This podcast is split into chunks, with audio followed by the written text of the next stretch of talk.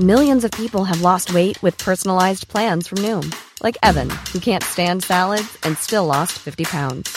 Salads, generally, for most people, are the easy button, right? For me, that wasn't an option. I never really was a salad guy. That's just not who I am. But Noom worked for me. Get your personalized plan today at Noom.com. Real Noom user compensated to provide their story. In four weeks, the typical Noom user can expect to lose one to two pounds per week. Individual results may vary. I'm Sandra, and I'm just the professional your small business was looking for. But you didn't hire me because you didn't use LinkedIn jobs. LinkedIn has professionals you can't find anywhere else, including those who aren't actively looking for a new job but might be open to the perfect role, like me. In a given month, over 70% of LinkedIn users don't visit other leading job sites. So if you're not looking on LinkedIn, you'll miss out on great candidates like Sandra. Start hiring professionals like a professional. Post your free job on linkedin.com/people today. Hey there, it's Michelle Norris. I'm host of a podcast called Your Mama's Kitchen. When I travel, I'm usually looking for a way to find a taste of home when I'm not at home. And one of the things I love to do when I am at home is entertain. And Airbnb allows me to do that. When I was in California recently, I rented a house that had a great kitchen. And when we were sitting around the table, we we're all thinking, we're in someone else's house. Someone could be in all of our homes as well.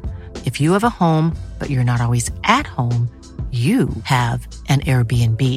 Your home might be worth more than you think. Find out how much at airbnb.com/slash host.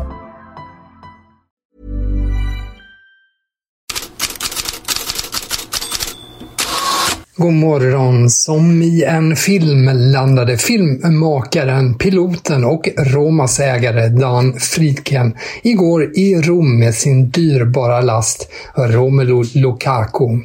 Och som Corriere dello Sport hade förutspått ett hav av kärlek mötte den i Milano och Turin så bespottade anfallaren.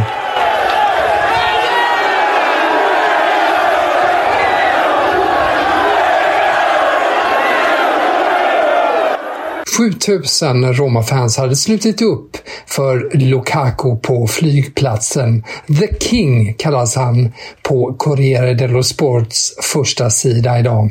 Låneavtalet är klart med Chelsea, läkarundersökningen är genomförd, idag kan han presenteras och får man tro Gazzetta dello Sport kan Lukaku finnas på Romas bänk redan mot Milan på fredag. Men som svensk är det annat som fastnar från just Gazzetta dello Sport, för tidningen uppger att Real Betis i sista minut försöker kapa Atalantas värvning av Emil Holm. Den spanska klubben är, till skillnad från Atalanta, beredd att betala mer och köpa svensken direkt. Det kan tilltala Spezia.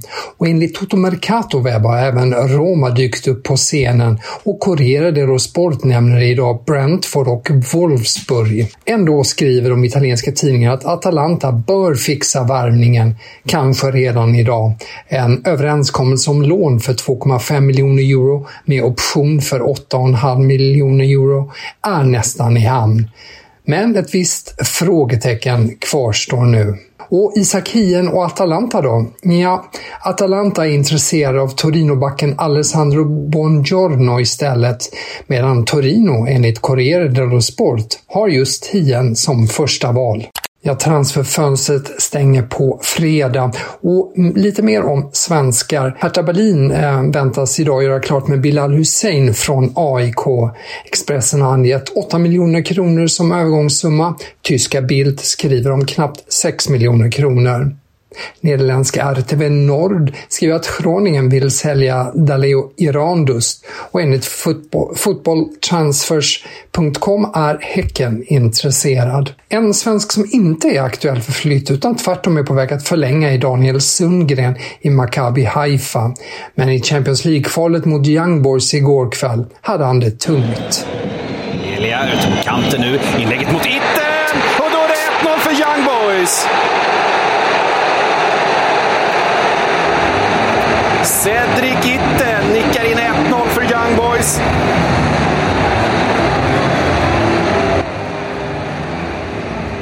Det som inte hördes men som syntes i bild var att Sundgren var den som förlorade nickduellen när Young Boys gjorde 1-0 och vid 3-0 så styrdes bollen via just Sundgren i mål. En av svenskens värsta matcher sedan han kom till klubben, skriver israeliska One. Roligare då för 20-årige Noah Persson som spelade från start för Young Boys. I England spelades en rad ligacupmatcher igår kväll där ett par resultat sticker ut. Salford skrällde mot Leeds och vann efter straffar. Även Fulham slog ut Tottenham efter straffar. Och Tottenhams tränare Ange Postecoglou's ilska över att ha tappat chansen till en pokal täcker Daily Mails första sida idag. Och en annan ny tränare som tar ligacupen på allvar är Chelseas tränare Maurizio Pochettino. I want to win the Carabao Cup, I want to win the FA Cup and I want to win the Premier League. I become older, and I want to win. I cannot, I cannot uh, wait. I cannot say, okay, this season is only be focused on this and this season we... No, no. I think it's no time to, to waste, wasting time and is about to win and I, is, that is the idea I want to translate to, to the player. Chelsea möter Wimbledon ikväll. Och på tal om ligacupen så har Blackburns tränare Jon Dahl Tomasson sagt att Leopold Wahlstedt får chansen mot Harrogate ikväll. Annars handlar det förstås i tidningarna mycket om övergångar. Benjamin Pavard är i Italien för att skriva på för Inter och Bayern München förhandlar nu med Chelsea om att låna in Trevor Chaloba som ersättare. Men Chelsea vill ha en bindande köpoption in inkluderad. Enligt Talksport har Bayern också gjort en förfrågan om Conor Gallagher. Mundo Deportivo toppar idag tidningen med bild på Ansu Fati och rubriken “Lyssnar på erbjudanden”. Och Carena Kope har samma uppgifter. 20-åringen är beredd att lämna Barcelona. Enligt AS kommer Xavi inte att lägga några hinder i vägen. Chelsea, Tottenham och Dortmund är alternativ. Om Ansu Fati lämnar skapas löneutrymme för att plocka in Joao Felix, påpekar Mundo Deportivo. Och i båda fallen, alltså både Ansu Fati och Joao Felix, så handlar det om lån och båda spelarna rep representeras av superagenten Jorge Mendes.